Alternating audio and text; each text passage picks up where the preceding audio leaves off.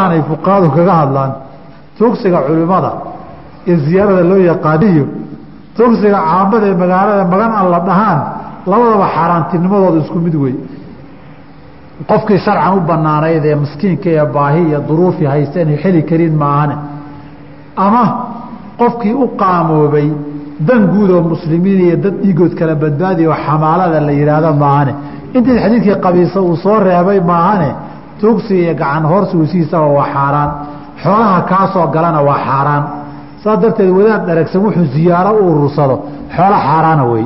Xeradiisana xaaraan baa ka buuxda. Kaasa rabtaa zake inuu bixiy muxuu ga bixi xoola xaaraana meesha uga buuxe fasuxtun nabigaana saa yidhi yaakuluhu saaxibuhu suxtan. Waa xaaraan. Ninka cunana xaaraan buu cunay. Ha kuu barakooba marka geelaas adugu.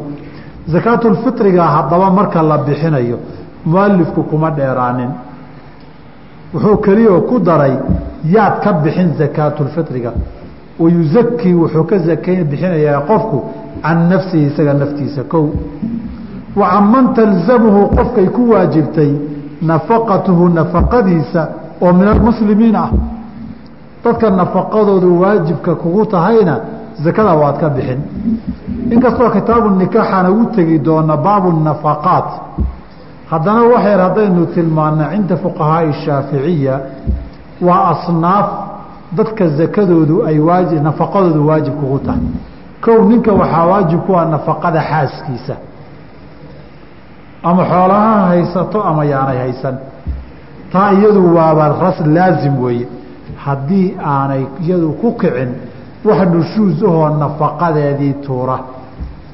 Ama aanay iyadu kaba cafiyin ama cinda bacdihim aanay shuruudii guurka ku jirin almuslimuuna calaa shuruuطihim zawaaj misyaarki oo kaleeto nooca la yihahdo hadda baabu nikaax tagnaan ka hadli doonaa nafaqada hadday tuurtiyo jinsiga labaad ee nafaqadoodu waajibka kugu tahay waa alraqiiqu addoommadaada addoommada adigu aada leedahay rag iyo dumar waxay dooni ha noqdaane nafaqadoodu waajib bay kugu tahay ilaa fii xaalatin waaxida hal xaalaa laga reebaya hadday addoontu ay dumar ahayd ninna kaa guursado ninkaasa nafaqadiisa zawjatu ku ahaan ugu leedahay haddiise berri ay kala tagaan ama uu ka dhinto nafaqadeedunbaa lagaa rabaa waa maalkaagii waxaa saddexaad ay nafaqadu ku waajibtaa nafaqatu اlusuuli wاlfuruuci xagga koro dadkii ku dhalay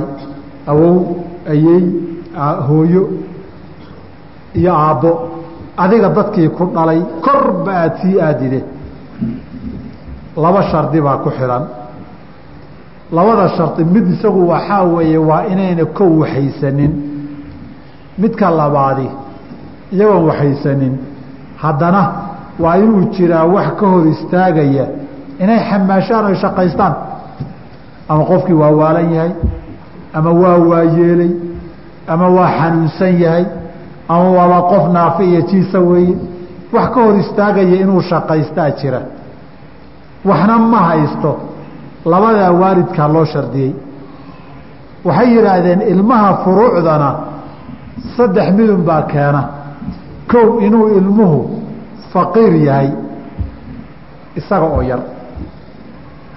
Ilmuhu horta inuu yar yahay faqrina yahay waa shardi faqrigu waa joogto hadduu waxaysta ilmuhu xoolo leeyahay nafaqadiisu waajib kuma aha walidaalika carruurta yurub lagu haysto ee dowladdu ay leedahay waalidkuna u hayo dowladdaa biisho waalidka nafaqo laguma lahaba.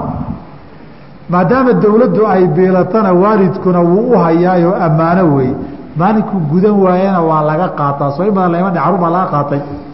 Curfiga iyo qawaaniintoodaa waxaa ku qoran ilmaha dowladdaa iska leh. Waalidkuna wuu u hayaa. Caafimaadkiisa dowladdaa bixin. Biilkiisa nafaqadiisa dowladdaa bixin. Waxbarashadiisa dowladdaa bixin. Maalinkaadu waxoogay yar seeg seegta si fiican lagaa garan waayo? Soo in lagaa qaato ma marka hore maadan lahayn. Ilmahaagu hadduu xoolo leeyahay nafaqa kuguma laha ama ha yaraado ama ha weynaado. Hadduusan waxba haysanin oo ilmo yar yahay qaan gaarin wuxuu kugu leeyahay hadduu qaan gaarayna oosan waxba haysan. Hadduu ilmo naafaa yahay oon shaqaysan karin wuu kugu leeyahay nafaqo. Hadduu lixdiisii lixaad qabana hadduu waalan yahay oo maskaxda wax uga dhiman yahayna wuu kugu leeyahay. Hadday maskaxdiisu fayowdahay oo nin qaangaara yahay oo lixdiisii lixaad qabana cinda shaaficiyati waxba kuguma laha. Sadaqo waa baabkeeda laakiin waajib kuguma aha waalidkaa oo miyir qabo lixdii lixaad qabo oo xoolo haystana waxba kuguma laha. Hadduuna waxba haysanin oo shaqaysan karana waxba kuguma laha cinda shaaficiyati wujuuban. Haddaba usuushaadii oo faqri ku jira faqrigana ay u weheliso ama xanuun ama waali nafaqadoodu waa kugu waajib sakaatulfitrina waad ka bixin. Furuucdaadii oo faqri ah oon waxba haysanin oo ay saddex mid u dheer tahay. Xanuun baa u dheer waali baa u dheer ama yaraan baa u dheer iyo se ilmanimo uusan qaan gaarin. Isna nafaqadiisu waa waajiboo waad bixin sakaatulfitrigiisa haweentaadi iyo xaaskaagiina sakaatulfitrigeedii waad bixin. Addoommadaadiina sakaatulfitrigoodii waad bixin. Ereygaa mar labaad buu kugu soo noqon. Haddaad iyagii sakaatulfitrigii ka bixinayso iyagii ma siin kartaa? Iyagii laftoodii aad ka bixinaysay sakaatulfitriga ma siin kartaa zakadii maalka? Masaladaa waa inugu soo noqon doontaayo. Waxbaa yar kala duwanaan doona insha allahu tacaala. Calaa kulli xaal sakaatulfitrigu aday dan kuu tahay inaad bixiso. Miskiinkana waa u dan. Nabiguna wuxuu yihi alayh salaam waxaa loo jideeyey tuhratan lisaa'imi min allagwi waarafathi adigana inay kaa daahirisee dembigii iyo waxyaabihii aan habboonaynee kaa dhacay wa tucmatan lilmasaakiini masaakiintana waxay cunaan bay u noqon. Maxaa la bixinayaa marka? Markaad ka zaka bixiso waxa aad bixinaysa waa saacan oo min quuti baladihi ah. Hal suus laba kiili iyo saddex boqoloo garaam ilaa laba kiili iyo bar. Baxinta inahaasaad bixin oo cuntada haalibka ee la cuna. Ah cunto fiicanna waan cunaa sakaatulfitrigana mid mid midda tacbaan aan ku bixiyaa lagaa yeeli maayo. Nin walow cuntada kugu badan beledka ee la cuno ama adinkiidinku badan ee aada cuntaan. Beledka hadduu acraaf kala duwan leeyahay qolo walba curfigooda cuntada haalibka ah baa lagu xambaarayaa wa qadruhu qadarkiisana saa saaca wuxuu dhigmaa khamsatu arطaalin shan rodol iyo wa uluثun rodol saddex meelood meeshii bilciraaqiyi ah waa un iska laba kiliya bar iska dhe meelaha weeye.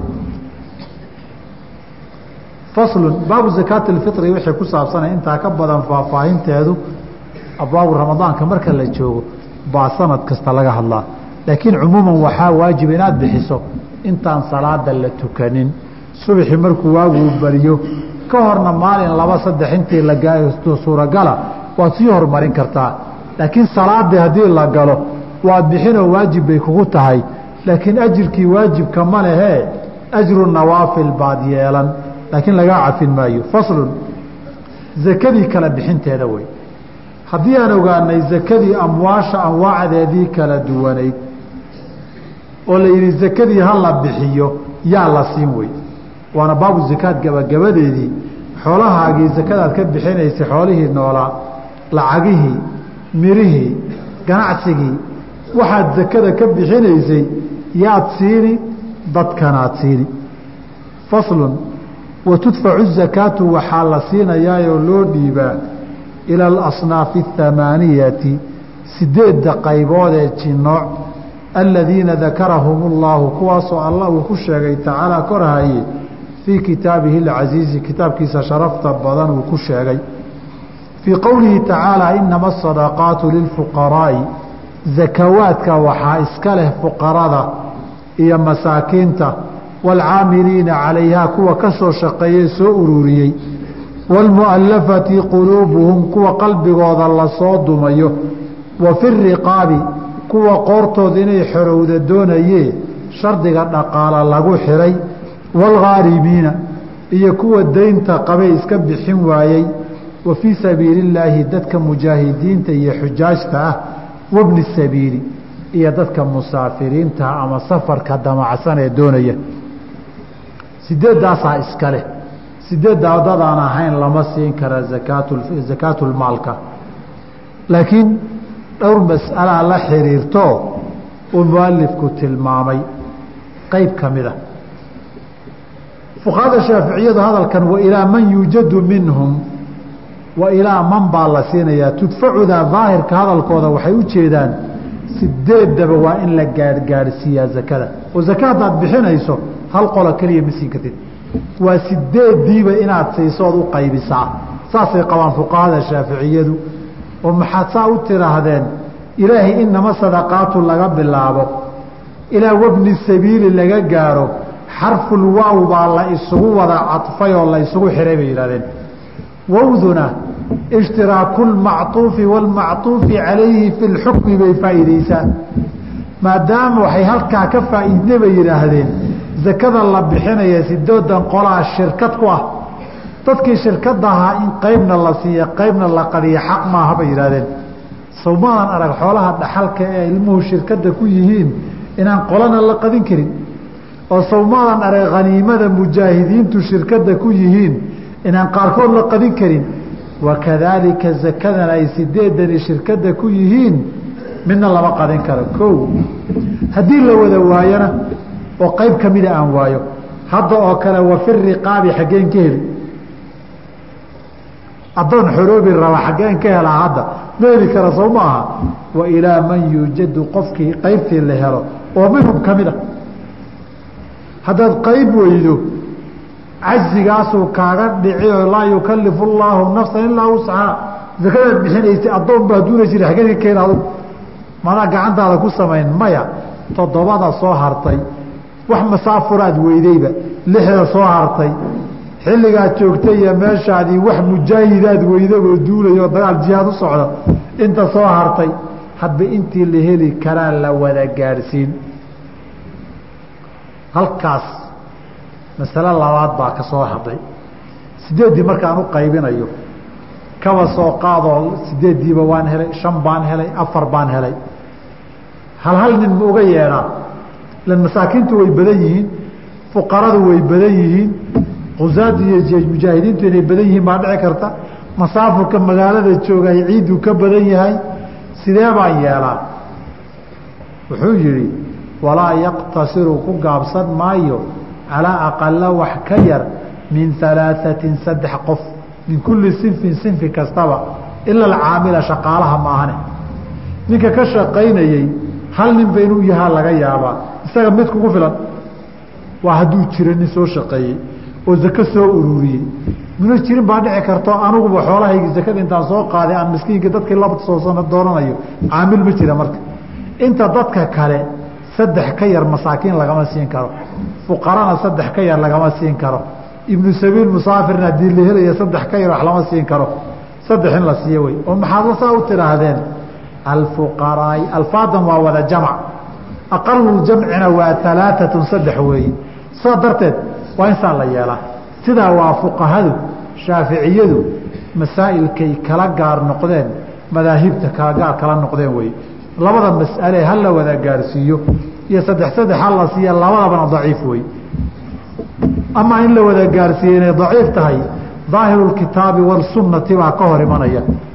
Amaa qur'aanku ilaahay wuxuu yihi say jamhuurtu yihaahdeen in tubdu sadaqaati fanicim maahi wain tukfuuhaa watu'tuuha alfuqaraaa fahuwa khayru lakum.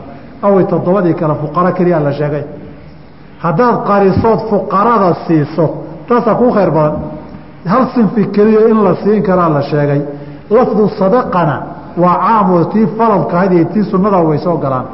Waxaa lamida aayaddaas. Xadiidkii mucaada yaman.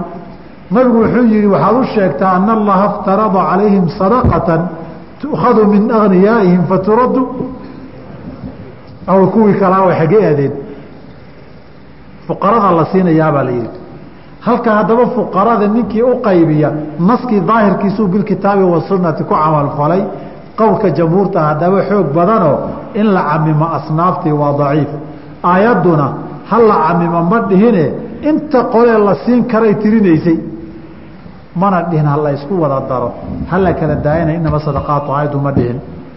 Masalada labaad ee saddex qof ha laga siiya aqaluljamcina daahiru nasi bay ka hor imanaysaa xadiidkii imaamu lbukhaari warinayey raximah llahu tacaala imaam muslim ane fii saxiixihi qisadii qabiisa markay laba qoloo islaysay oo mag isu haysata oo idinkaa naga dilay magteenna siiya maanaan dilin dagaal qarka u saaran buu yimid. Wuxuu war maxaad rabtaan magtii? Intaa islayn lahaydeen magtiinni anaa qaatay anaa idin siin. Waayahay bay ihahdeen dagaalkii waa damay. Nabigu u yimi nabigu alay slam wuxuu yh xoolahana ma bixin karo dad muslimaana dhiigooda kala badbaadinayay de xoolahan waxaa laygala qabto nabigu wuxuu ku yihi aqim xataa taأtiyana الsadaqatu fana'mura laka biha iska joog buu yihi ilaa zakada naloo keeno xoolahan magtanaad soo qaaday aan zakada kaa siino haddii dadkii hala wada gaadhsiiye laleeyahay geel boqola hal nin maxaa loo siin waxaa lamida qisadii xuwaysat iyo muxayisa nabigu markay reer yahuud ninkay inkiraan qoladana dhaartii reer yahuud aamini waayeen fawadaahu min ibili sadaqati geeli zakadu magtiisa ka bixiyey. Hadde dadka masaakiinta iyo fuqarada xoolihii la soo ururiyey in boqol neef hal nin gacanta laga saaro iyadoo in kaloo badan oo baahan joogaan waxay tusaysaa saas. Waxaa kaloo nabigeena ka socsa in badan in hal nin intuu yimaado uu zakada siin jiray hal nin intuu yimaado inuu xoolo zakaa siin jiray. Weligii lama hayo. Isagoo yihi zakaa timide. Awey sideedii qolo ama saddex nin ma la hayaa. Weligii isagoo yihi lama hayo. Hadday qasab tahay maalin buu dhihi anagu alay salatu asalaam marka warkan fuqahada shaaficiyadu waxoogay waa laga yar taagroya faqiir iyo miskiin maxay yihiin kala yihiin? Culimadu waa isku qabteen oo qola waxay dhaheen faqiir iyo miskiin horta. Haddii faqiir keliya la yidhahdo miskiinna waa soo galaa miskiin keliya haddii la faqiir waa soo galaa laakiin koodeebaa markii la isku dara labadoodu sii daran fuqahada shaaficiyada iyo xanaabilada waxay qabaan faqiirkaa sii liita. Oo maxaad ku garateen?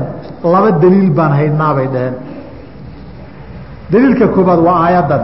Inama sadaqaatu lilfuqaraa'i baa la hormariyey.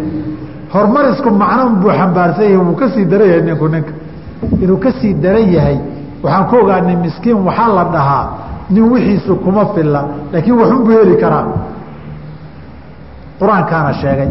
Oo qur'aanka xagee ku sheegay ilaahay wuxuu yidhi bay dhaheen qisadii suuratu lkahfi muuse iyo ninkii la dhihi jiray alkhadir wuxuu yihi ama safiinatu fakaanat limasaakiina yacmaluuna fi lbaxri masaakiin baa lagu magacaabay doonay ku shaqaystaanna wayla hibadeen marka miskiinku nin yaro aroora waxaysta wey halkaas qolaa tiri maya.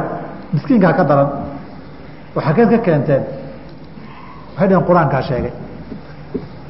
Oo qur'aanka xagee ku sheegay falaqtaxama alcaqaba wamaa adraaka ma alcaqaba faku raqabatin aw iطcaamu fii yowmi dii masgabatin yatiima daa maqrabatin aw miskiina dhulkuba yaallaa bay dhaheen ninkaa kama kici karaba alaa kulli xaal culimada marka niqaasha la doodayo ninba meelbaa wax uga muuqanayaa laakiin labada masalo nas sariixa mid lama jirto ninba meel wax ka doondoona calaa kulli xaal culimaduna laabtooda way isu furaan jirto inti saa loo niqaasho. Unbaa caadi lahaan jira labadii wadaad hadda laba ayaad isku qabataay colaadun baa ka dhex bilaabanba waxaba wax nagu cusub wey dadkan zakada la siinayo. Xooluhu way yaraan karaan. Yaa lagaga bilaabi qofkee lagaga bilaabi hadday dadkiiba wada joogaan fuqahada waxay leeyihiin jamhuurtoodu waana sida ay ikhtiyaaru shaaficiyati waalxanaabilati ah. Haddii xoolaha nin ka soo shaqeeyey horta ninka soo shaqeeya wixiisa la siin. Inta kale ha soo hartee iyagu iyagoon waxba la bixin oon waxba samaynin oon shaqaynin bay xoolo qaadanayaan. Ninkana wuu soo shaqeeye wuu soo xamaalo xooggiisii buu dan dhabanayaa. Ninkan ujradiisii acطu ajiira ajrahu qabla an yajifa caraqahu oo kaleeto weye ninkan waa ajiir ciwad xooluhu soo shaqeeyuu qaadanayaa qolada kalena xoolahan iyagoo waxba soo shaqaynin bay wax ka rabaan. Ninkan soo shaqeeyo horta wixiisa haloo laaba yidhahdeen. Kaa marka la siiyo. Inta kale kii u daran ee la arka hala siiyo. Iyo sida loo qaybinaya cala ikhtilaafin baynahum masalada labaad zakadan dadka la siinaya dadkani xaggay joogaan. Asalku meesha xooluhu joogaan masaakiinta joogtaa iska leh. Lidaalika xadiidkii mucaad ee tuukhadu min agniyaaihim isla dadkan waxhaystaa laga qaadi dadkooda masaakiintaana waa la siin. Asalku waa sidaas. Meel kale zakadii ma la geyn karaa? Nacam. Haddii ay guud ahaan baahita ka weyn ka jirto ama gaar ahaan qofka zakada bixinaya kuwan dad uga daran ay jiraan oo qaraabe iyo dad la xiriira ay jiraan zakada waa la naqlin karaa. Oo xadiidkii fii fuqaraa'ihim haddii la yidhi daahirkiisu ahaa warkanaad sheegaysaan inteed ka keenteen. Waxaan ka keenay nabiga xilligiisii soomayna soomn ala slam sadaqada dad intii loo dira inay soo ururin jireen. Markay soo ururiyaan xaggey keeni jireen. Reerihii oo jooga baa intay zakada ka soo ururiyaan caamiliinta ibnulutayiba iyo bay nabigu u keeni jireen alayh salatu asalaam soo sadaqa meelihii intii laga soo qaaday dadkii la soo dhaafiyey nabiga loo keenay maha calayh salaatu wasalaam si uu qaybiyo. Ama cid mas'uuliyadoo dadka kala saari karta loo soo wadaa. Ama masaakiin meeshan way joogaan laakiin meel lagu baaba-ayo gaajo dadkii dhimanayaan baa jirta. Waa loo gudbin karaa meel ka daran haddii ay jirto asal ahaan.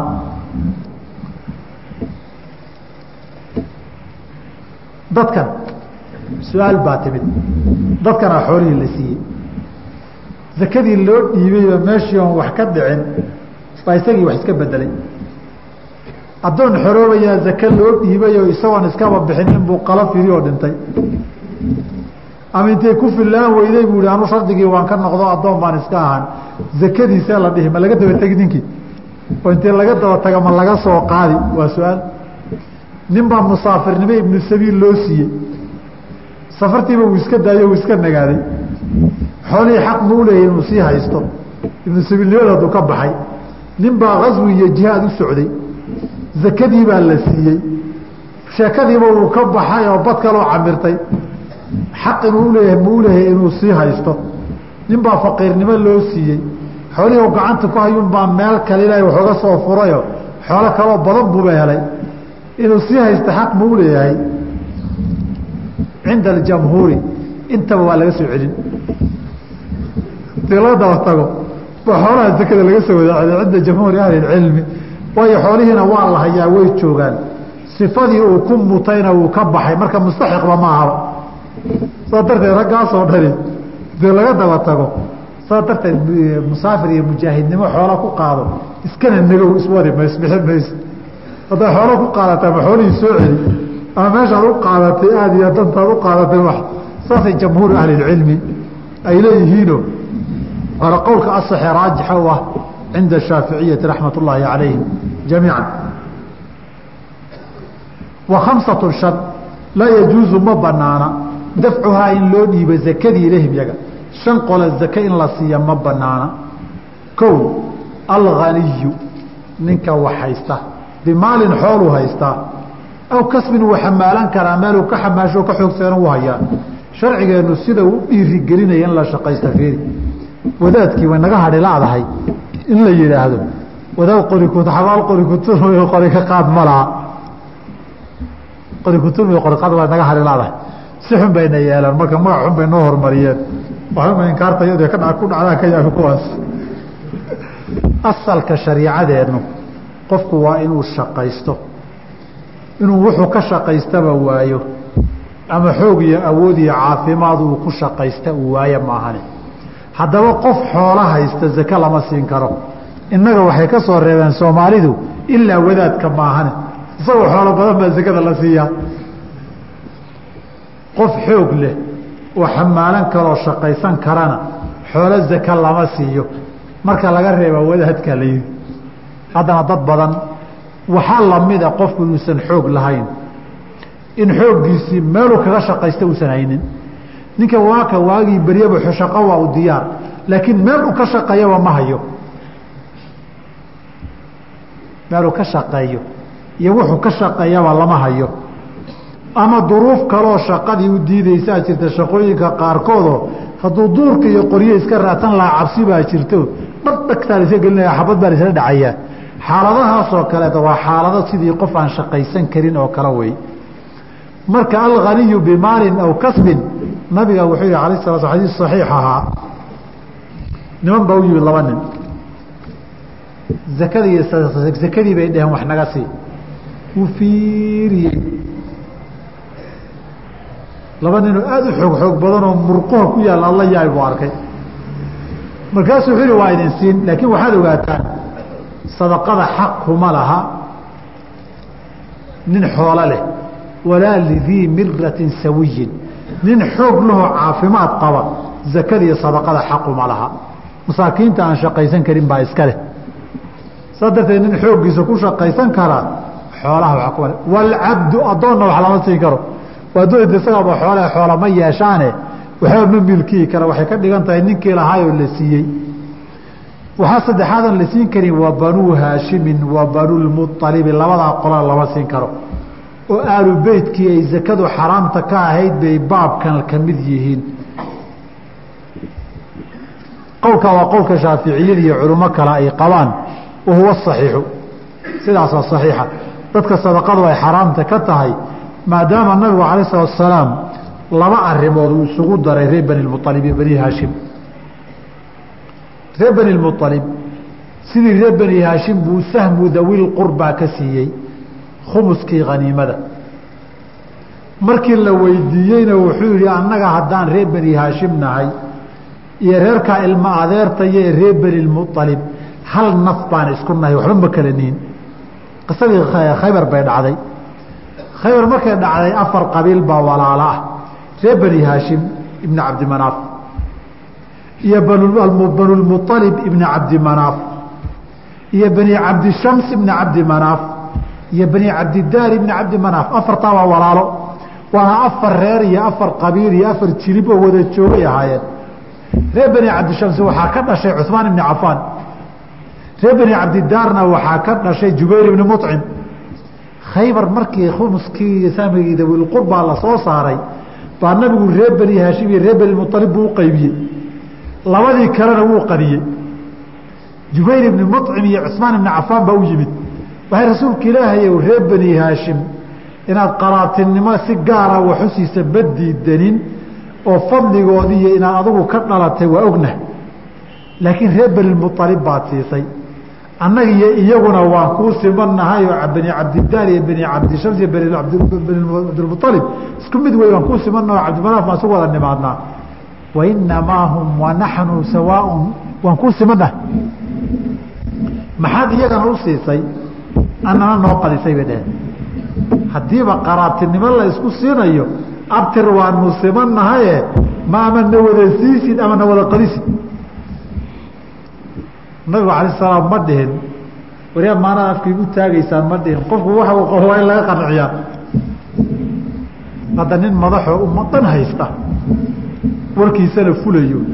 Haddaad saa ku tiraahdo soomaalinkaa madaxaago madaxaaga hadda ma cunteed nabigu wuxuu yihi alay salaam wuxuu u sheegay reer beni mualib idin la mid ma aha wuxuu yihi inahum lam yufaariquuna fii jaahiliyati walaa islaam. Weligood reer beni mualib arrin reer beni haashim qabsatay ugama kamayna bixin.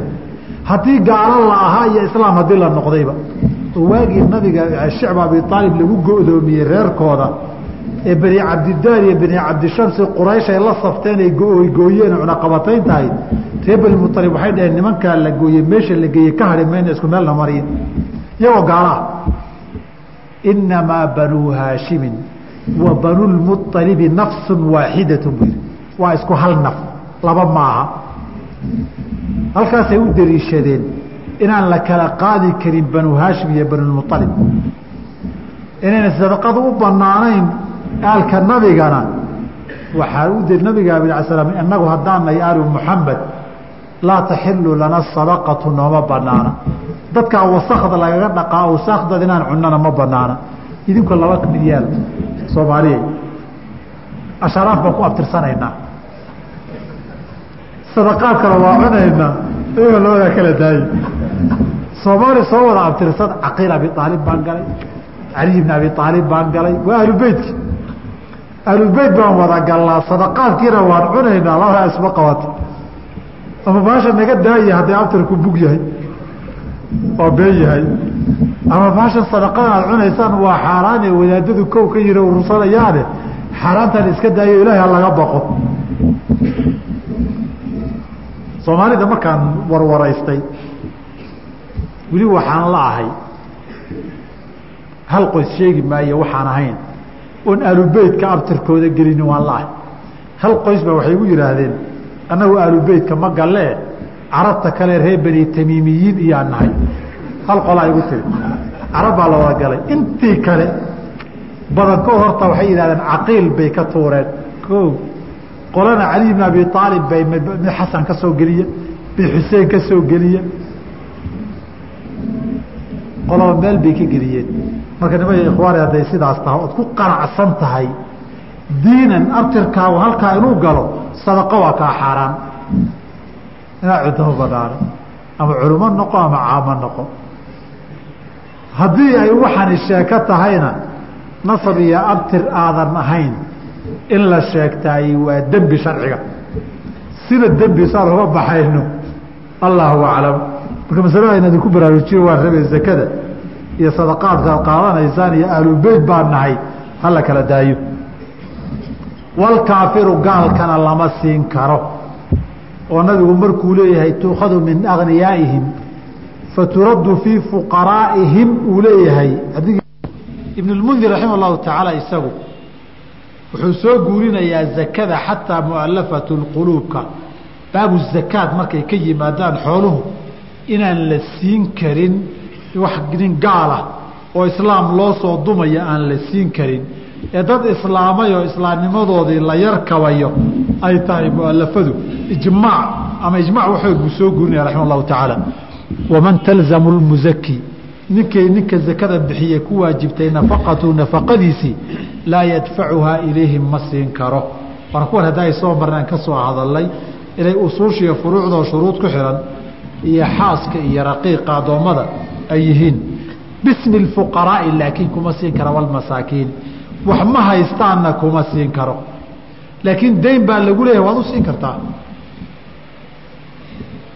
Aswi iyo jihaad buu aadayaa waad u siin kartaa. Masaafir weeyo wuu safrayaa waad u siin kartaa. Zakadu ka soo shaqeeyey waa loo siin karaa. Zakadaadi sifaadka kale waa u siin kartaa. Laakiin wax ma haysto faqiir weeye uma siin kartid. Sababtoo ah hadduu faqiir yahay adaa biilkiisa laguu leeyahy ma biilkaad bixinaysaad hadda zaka nooga dhigi. Biilkaad bixisa ee waajibka kugu ah. Maad hadda zaka u niyooni sidiisuo waajib kugu yahay.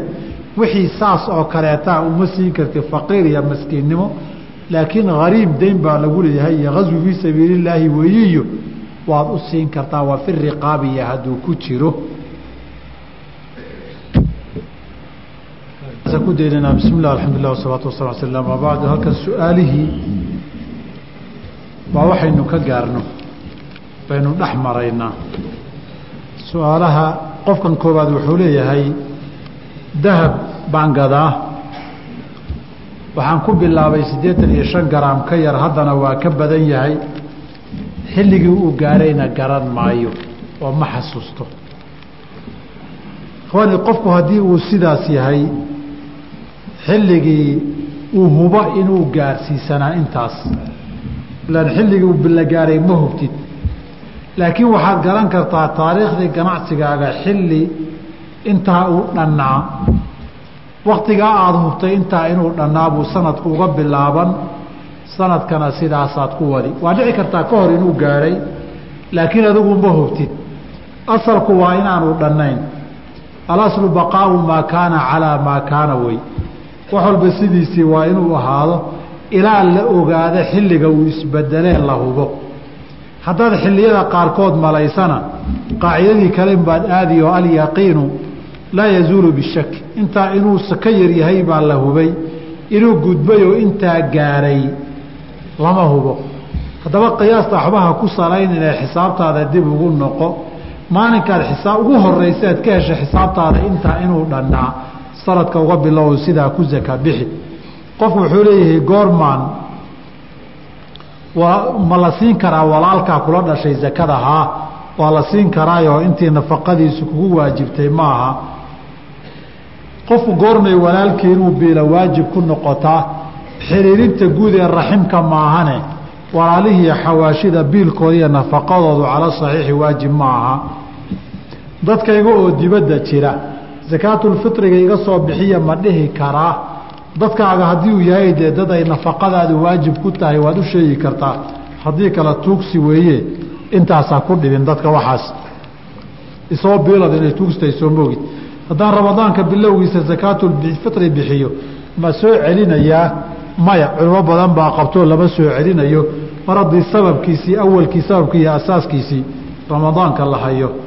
Qoofaan nolol iyo geeri lagu hayn. Sakaatulfitri ma laga bixin karaa. Ama inaad bixiso haddaad rabtood sadaqaysato waa la ogol yahay. Amaa haddii uusan ahayn de qofay nafaqadiisu waajib kugu tahay hadduu yahay culimmada qaar baa waajibinayo hadduu noolaa. Alaslu baqaau maa kaana calaa maa kaana marinaya oo halkaa marinaya. Laakiin hadduusan nafaqadiisu waajibba kugu ahayn dee markiisii horeba laguguma laha. Waxaan leeyahay digaag badan ma la iga rabaa? Sako masalada waxaan malaynayaa cashiradii hore baan kaga soo hadalay ee qofkan isagaa maqnaa digaag sako kuma waajibto intuu dooniba ha noqdee boqol garaam oo dahaba sidee saka looga bixinayaa? Boqolka dahabka waa la qiimeyn lacag intay ka noqdaan baad boqolkiiba labiyo bar sida lacagtii kaga bixini ninkan su'aashiisu waa baab kale iikaad isaga baab baabka baab kale waay. Haddii ay ii suura gasho waan gebagabada aakhirka markaad daashaan baan idiin sheegi. Arigu haddii uu gaaray intiisii oo suuqa neef ka soo gado oo aan sadaqaysto maiga gudaysaa? Sadaqadan haddaad neef soo gatood zake uga jeedo wuu kaa gudayaa. Laakiin sadaqa caadiga haddaad uga jeedoodan zake niyoonin. De zakadaadi maaha zakadana xoolo baxay dib lagama niyoodo. Dadka qaar baa wuxuu ku leeyahay xoolaan shalay nin siiyey waan halmaansanaa hadda zake ma niyoon karaa buu kuleeyahay hadda zake ma niyoon karaa taasi xoolaadaad bixiso milkaaga ka baxay niy niyadeeda lama tadaarug lama samayn karo. Ma raasumaalka ganacsiga laga bixinayaa zakada mise faa'iidadii baa la qaybinayaa mise labadaba waa la isku darayaa. Su'aashan inaan horey uga jawaabay aan moodayo qiimahay hadda kugu fadhido. Raasumaal iyo khasaare iyo faa'iide waxay dooni ha noqotee baa la qiimaynaya anood ka bixin. Haddii aan shan geela hayo neef ari ana aana haynin lacag bedelkeedii ma bixin karaa mise neef ari aan soo gadaa qowlaani liahlilcilmi weeye waxaa ixtiyaadka iyo baraa'adu kugu jirtaa neefka inaad soo gadood bixiso bay baraa'adu kugu jirtaa. Ninkan wuxuu leeyahay caymiska baabuurta maxay ka qabtaa diintu? Caymisku asalkiisu xaaraan weeye. Waana xoolaha qimaar iyo maysar weeye. Kiisa ganacsiga ee tijaariga markii kan shariicada waafaqsan ama takaaful iyo xagaa lamidka loo yaqaano laga helo. Haddana si uu ku dhammaan doono war uma hayo. Olola waxaa socda ah caymis shariicada waafaqsan wadanka in laga sameeyo. Aynu joogna maadaama islaamic bankinba la ogolaaday ololaha waxaan rajaynaynaa inuu miro dhalo waan idiin soo sheegi doonaa adeer hadduu miro dhalo. Caymiska keliya waxaa lagu ogol yahay inta qasabka kugu ah ee third partka la yidhaahdo kan laakiin fuulkii iyo waxyaabaha lamidka ama comprehensiveka yihaahdaan xaaraan weeyo ma banaano cinda jamaahiiri ahli اlcilmi allahuma maxamuud ala zayd iyo qowl mustafa zarqay aduna qabsan war uma hayo. Zakada ma bil khaas ah ayaa la bixinayaa maya. Adugu xoolahaagu markay nisaabka gaareen bishii bisheeda marka la gaaro baa xawlkaagi iyo sanadkaagii dhammaaday. Dadkaa laakiin bil ay ku gartaan ay ku xasuusaan iska jecel si aynan u halmaamin. Hadday laba nin xoolo isugu jiraan oo mid ka mida bixin waayo ka kalena intiisa keliya ka bixiyo ka waran de xoolahan haddii aan sulto dawla islaamiya jirin xoolihiina hadhow qofkii inuu kula bixiyo uusan ogolayn horta xoolahaaga inaad ka marataa fiican xoolo nool hadday yihiin laakiin lacagaha hadday yihiin dhib male intaada haddaad ka bixiso cinda jamhuuri ahli اlcilmi xalay baanan soo barnay. Waxaan soomaaliya siin jiray.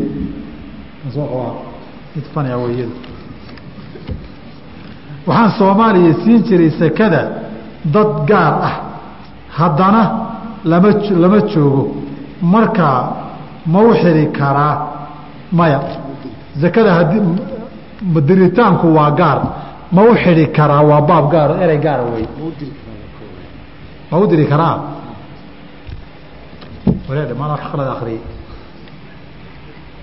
Su'aasha waan ka soo hadlay. Oo casharkan kaga soo jawaabay. Hadday xiris tahayna ma banaana. Xirista hadda waayaan waxay u isticmaalaan. Xisaabtiibuu goyn meel sanduuq ugu ridi zakadii waan bixiyey rabaa inuu ku yihahdo sanduuqiisay ku jirtaa xoolihii. Wax ka guddoomayna ma laha zakadu waxay kaa baxdaa markii ciddii lahayd ee qaadanaysa ama cid wakiil ka ah ay kaa guntoontay milkiiga ka baxdaa. Laakiin xoolo boorsada ku jirto berri haddaad waxooga u yar baahata kula qumanaato aad boorsada u furi zakadii kaama bixin weli. Zakaatulfitrigu wuxuu ku intaan meel u dhigo dhowr bilood kadib markuu yihaahdo ma siin karaa. Zakaatulfitri lagaa guddoomay kaaga baxdaa. Diritaanka waan waxaa wey waaba criminal wey jarimi wey deynta iga maqan zake ma laga rabaa cinda shaaficiyati haa laakiin markay kuu timaadaad qaybteeda zakada ka bixine hadda ka bixin mayse. Cinda jamhuuri ahlilcilmina waa laba qaybood. De deyntan deyn aad rajaynaysa inay soo gashana xoolahaagay ka mid tahay. Deynta aad ka rajay rajo yar tahay oodan helayninna markay kuu timaadunbaad ka bixine inta kale laguma laha ayay hooyo ma siin karaa? Masalada horaa uga soo hadlo usuushiiyo furuucda. Inaan la siin karin baan horay u soo maray. Haddii aadan u siin karin faqiir iyo miskiinnimo haddii aada hesho lacag ama xoolo markaa meeqa ayaa ugu yar oo la yaboohinayaa xoolahan haddee waxoogay yar yaroon badnan yihiin boqolkoo iyo labada boqol iyo kun shille yihiinna waxoogay saacadaa ku filan kadib waa timirtii oo kaleeto hadday xoolo badan yihiinna sanad weeye sida nasku ku soo arooray baabkeedana waa u tegi doonaa ee minhaajka yaan la horordin qofkan wuxuu yidhi haddii dowladda ay bilowdo kambaniyaal ay ku shaqaynayaan ma laga rabaa zako maya? Hantida guud ee dowladda zake kama baxdo waayo zakadii meeshii la geyn lahaa weeye awqaafta amwaasha iyo amwaasha jamciyaadka iyo muasasaadka khayriga ay hayaan iyo iyaga zakaa lagama rabo. Asal waxaa u ah xadiidkii khaalid amaa khaalidan fa antum tadlimuuna khaalidan fainahu qad ixtabasa. Waxiisoo dhan wuu waqfay waqafna zake lagama qaado. Xadiidkaasaaso tanna su'aal ka baxsan weeye baabu zakaat kana waa su'aal kale. Tan zakaatulfitri laysiiyey ma sii bixin karaa haddii waxoogay kuu soo ururaan ood xaddi kugu waajibaysa aada gaarto de nin xoolo labaatan oo zakaatulfitriga waa iska sii bixin. Tanna waa su'aal zakaatulfitriga ka baxsan. Ta labaadna.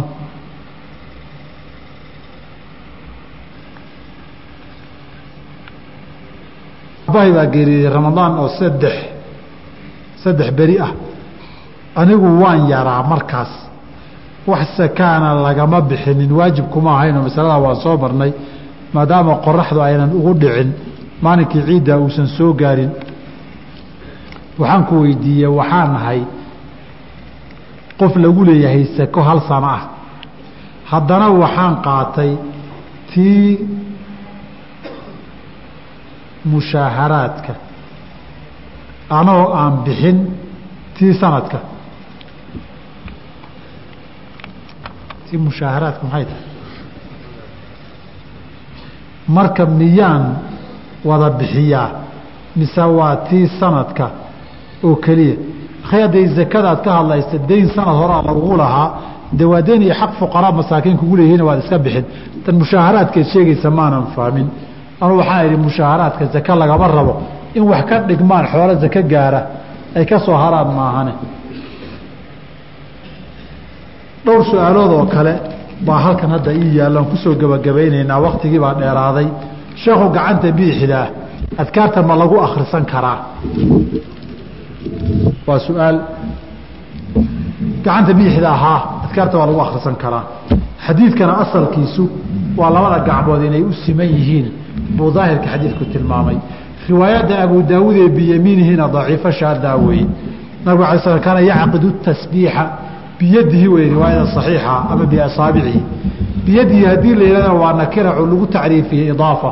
Nakirada markii idaafa lagu tacriifiyana cumuumulyadayn bay faa'iideysaa ama riwaayada ibnu cawn ninka la yidhaahdo riwaayada uu leeyahay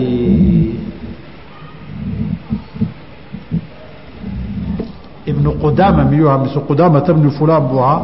Magac saasu eg buu lahaa. Abu daawuud uu leeyahay biyamiinihi. Waa riwaayada cinda taqriiri shaada weeye.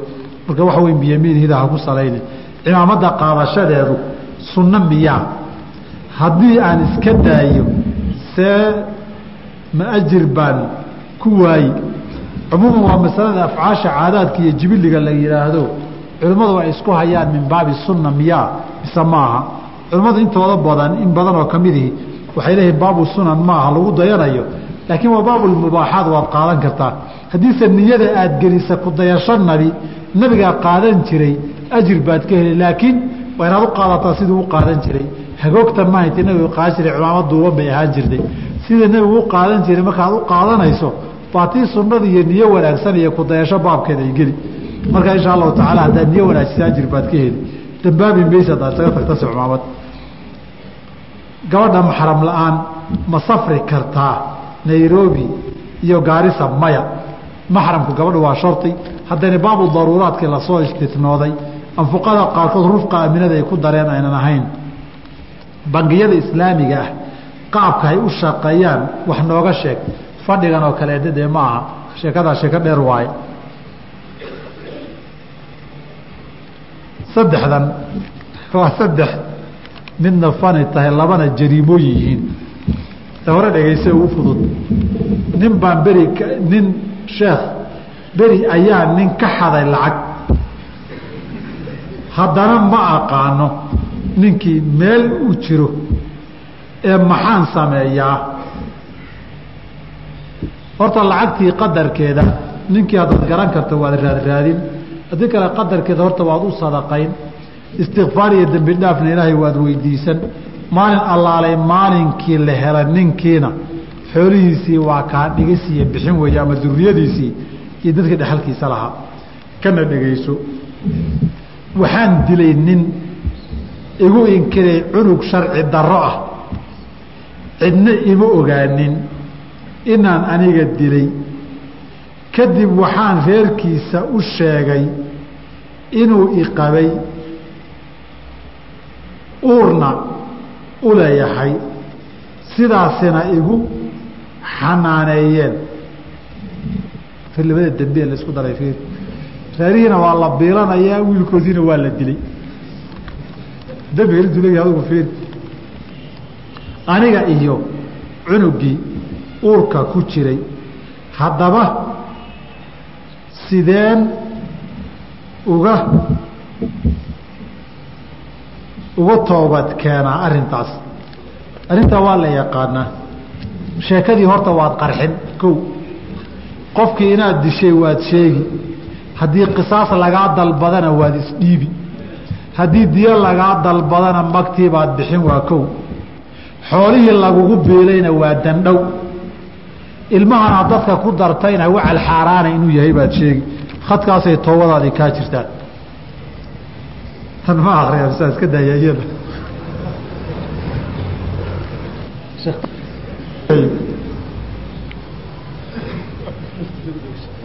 ya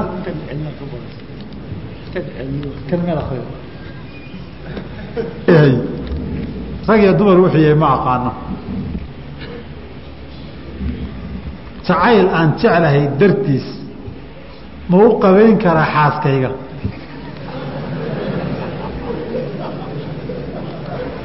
Iyadu sameeyey qabayn kartaa sidoo kale. Maaha. Waa isu qabayn kartaan. Intaa wax ka badan baa isaga kiin bannaan. Oo xiriir gogoleed baa idinka isaga bannaan. Wax ka badan oo is-aragaa idinka isaga bannaan intaa ka badan baaba la isu kiin baneeyo ilaahay yidhi hunna libaasun lakum wa antum libaasun lahunna dhar baabad isu tihiin. Iska daa noloshee markii la geeriyoodaaba la isdhaqaa oo nabigu caaisha radi allahu canha alayh salatu salaam uu ku yidhi in maalinkuu lahaa bal ana waana sa haddaad iga horeyn lahayd bu intay xanuun sheegatay waan ku dhaqi lahaa waana kugu tukan lahaa. Markii nabigu geeriyooday la dhaqay kadib bay hadalkii fahamtay markaasuu waxay tiri deedna haddii low istaqbaltu min amrii mastadbartu cidaan ani ahayn ma dhaqdeen. Cidaan aniga ahayn ma dhaqdeen.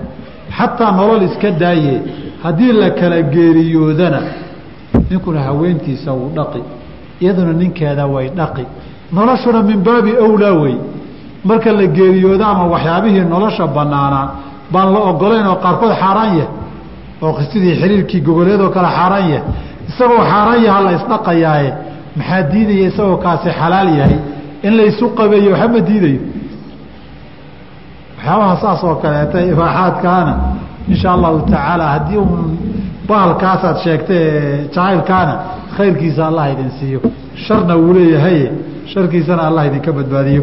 Subxaanaka allah bixamdika ashhadu an laa ilaha illaa anta astaqfiruka waatuub ilayk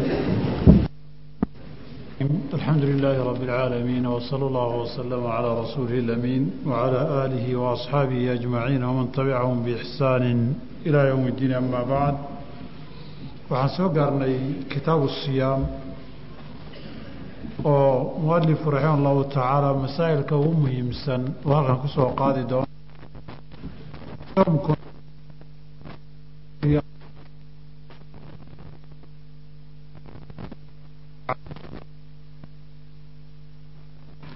Doono wasiyaamu ramadaana ayaa ka mid ahayd.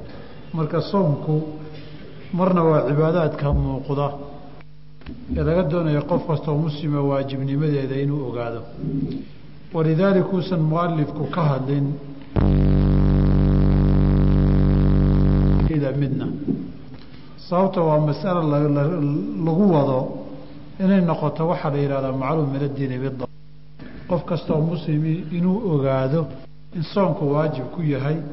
Weliba soomka soomka bisha ramadaani uu waajib yahay inuu qof kasta ogaado. Waa arrin aan garawsho lahayn ilaa qof hadda soo islaamay ama meel islaam iyo diini cilmi lagu hayaba aan joogin maahane. Walidaalika hadda qofka soomaaliga ee dadkan ku dhex nool haddii uu yidhaahdo soomku inuu waajib yahay oo muslimiinta soon laga rabaa ma ogi shaksi ahaan way dhici kartaa laakiin in laga rumaystaa ma sahlana. Waayo bishaa ummaddu wada soomayso sanad kasta soo noqnoqonaysa munaasabaad kasta lagaga hadlayo inuu yihahdo weligay ma maqal soon inuu laygu leeyahay iyo soon inuu waajib yahay. Waa inuu ama meel duuroo loogu garaabo uu ka yimaado ama qof hadda mar diinta mar dhow soo galay uu yahay. Laakiin diinta intaa waa ku dhex jirayo masaajidda waa imanayo waa tukanayayo haddana weligay soom baa waajib oo soom baa lagaa rabaa ma maqal. Warkaasi in la rumaysto ma sahlana. Saas darteed mualifku isaga iyo zakada iyo wujuubkoodiiyo in waajib ay dadka ku tahay iyo maanu ka hadlin waxaa la filayaa waxay tahay. Inaad horay u og in waajib ay kugu tahay. Laakiin keliya ay tahay saaad u gudan lahayd in laguu tilmaamoo lagu baro. Saas darteed wuxuu yihi wa sharaa'iطu wujuubi siyaami soomku markuu waajibaya shuruudda la rabaay ee qofkii shuruudda laga hela uu waajib ku noqonayo alaaثatu ashyaa saddex weeye. Saddexda shardiya la yidhahdo shuruudu takliif baa laga rabaa qofka. Midka koowaadee alislaamu weeye. Islaamka qofkiihi soonku waa ku waajib haddii uu sidiisii ula yimaadana fulintiisii baa laga rabaayo uu ka asixi laakiin qofka gaalka aakhiro in loo qabsado waa dhici kartaa adduunyadase soon iyo haddaad soomi weydo dowlad islaam hadday jirta maxkamad baa lagu geyn lama yidhaahdo oo hadday gaalo muslimiinta ku dhex nool yihiin maamul iyo hoggaan iyo xukun muslimna ay hoos yimaadaan. Bisha ramadaan sooma la dhihi maayo sidaan loo dhahaynin zako keena salaada jamaacadana soo xaadira taasuu ka wadaa. Marka xakaami dunyaa qofka soonka laga dalbayo ee uu kugu waajibeeye soon la leeyahay marka koowaad waa inuu muslin yahay. Qofka aan muslin ahayn xataa dadka haddii uu waan la soomi yidhaahdo waxba ka asixi maayo. Oo asaasku waa islaam. Way dhacdaa marar badan inuu qofku cuntadii ka soomo soonka laba qaab labadaba ha u dhaco ama saddex midba ha u dhaco. Qodi caafimaad ka raadinaya oo gaajadaa iyo jirkiisa inay calooshiisu banaanaata doonaya. Tatabubka waxay fuqahadu yidhaahdaan weeye cuntada qodadka qaar baa isaga daaya caafimaadka doon dartii. Waxaa laga yaabaa inuunan subixiyo maalintii oo dhan waxba cunin waxna cabbin. Laakiin waa soon bilaa ajira wey dhinaca labaadna waxaa laga yaabaa cabasho inuu u soomo oo dadka iyo duruuf adduunyada ka haysata uu ka cabanayo. Markaasaa waxaa la yidhi cunto joojin baan samaynaynaa. Cuntadaan ka soomaynaa waa nooc mudaaharaadka ka mida. Waa nooc dacwo wax laga cabanayo. Taana ma aha soonka aan ka hadlayno. Waxaa dhici karta mar saddexaad. Inuu qofku dad muslimiina saaxiib la yahay uu la yaabo dadkan subax ilaa habeen aan waxba cunaynin uu yidhaahda waa idinla tijaabin. Markaasaa waxaad arkaysaa meelaha galbeedka markaad tagto wiilka soomaalidiihi ama gabadha soomaalida ama muslimka sheeganayaay mid gaalay saaxiib leeyihiin. Weliba saaxiibtinimadu intay afka dhaafto baa laga yaabaa in meel la wada dego si qaldan loo dego. Marka dambe uu qofkii yidhaahda waan islaami si aan si rasmi a isugu guursanno. Uu iisoo islaamay iyo way iisoo islaamtay meesha la yidhaahdo wey markaasu intuu ku yimaado wuxuu ku ramadaankan iyo kii horeba way ila soontay gabadhan. Islaamka aad bay u jeceshahay waa ka daacad ku leeyahay. Ama ninkani wuu ila soomay ramadaankii. Ninka ninkan islaamnimadu waa ka dhabe wiilkii ama gabadha hala islaamiyo. Hala islaamiyo waxaa daba taalla hana naloo isu xalaaleeyo un aakhirka halkay ku dambeysay inaynu xumayn baa laga yaabaa laakiin dariiqa wanaagsanen oo habbooneyn baa la soo maray. Marka islaamnimadu waa shardiga koobaad ee qofka loo leeyahay waa inaad soontaa amarka loo siinayo. Hadduu samayn waayo cudurdaar la'aanna tallaabo sharciga waafaqsan laga qaadayo xabsi iyo tacsiir iyo ciqaaba haddii hogaan iyo maamul islaami jiro. Shardiga labaadi walbuluuqu inuu qaangaar yahay wey ilmaha yaryarkaa hadday soomaan xaddu tamyiiz wax kala garadna ay gaareen soonkuna wuu asixi. Waalidkoodii iyo mas'uulkoodii arrintaa barayna way waa ajir buu ka heli. Laakiin goormaa laga dalbi oo loo ciqaabi hadduu ka tago waa markuu qaan gaara kadib. Carruurta yararkaa saxaabada la soomin jiray innaga laakiin kuwa qaan gaaray baa waalidku ilmo jacaylka iyo ilmuhu u gaajooday baa laga celcelin. Kuwa raba. Laakiin saxaabada rubayic bintu mucawid waa kay leedahay waan soomi jirnay yowma cashuuraa wa sibyaanana. Xataa carruurta yar baan soomin jirnay.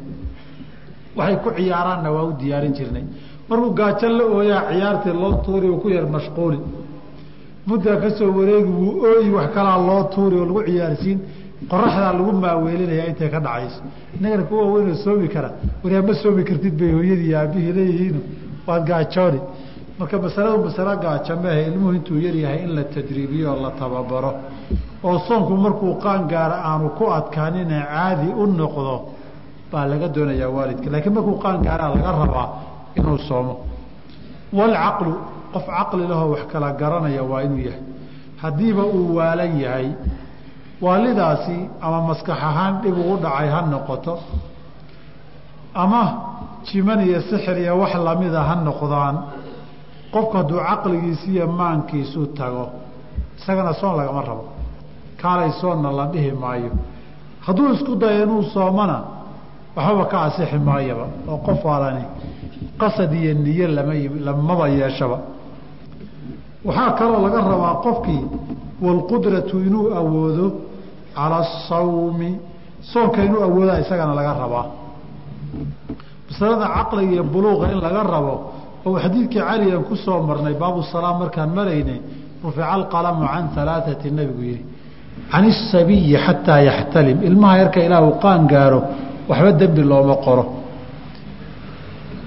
Wa ilmajnuuni xataa yacqil. Qofka waalan ilaa caqligiisa u noqdana waxba looma qoro kan dambe qudrada iyo awood inuu u leeyahayna waa usuusha caamka ee shariicada weeye. Nusuusta caamka ilaahay uu ku leeyahy laa yukalifu allaahu nafsan ilaa wuscahaa naf ilaahay kuma laasimiyo qasabna kagama dhigo waxaanay awoodin.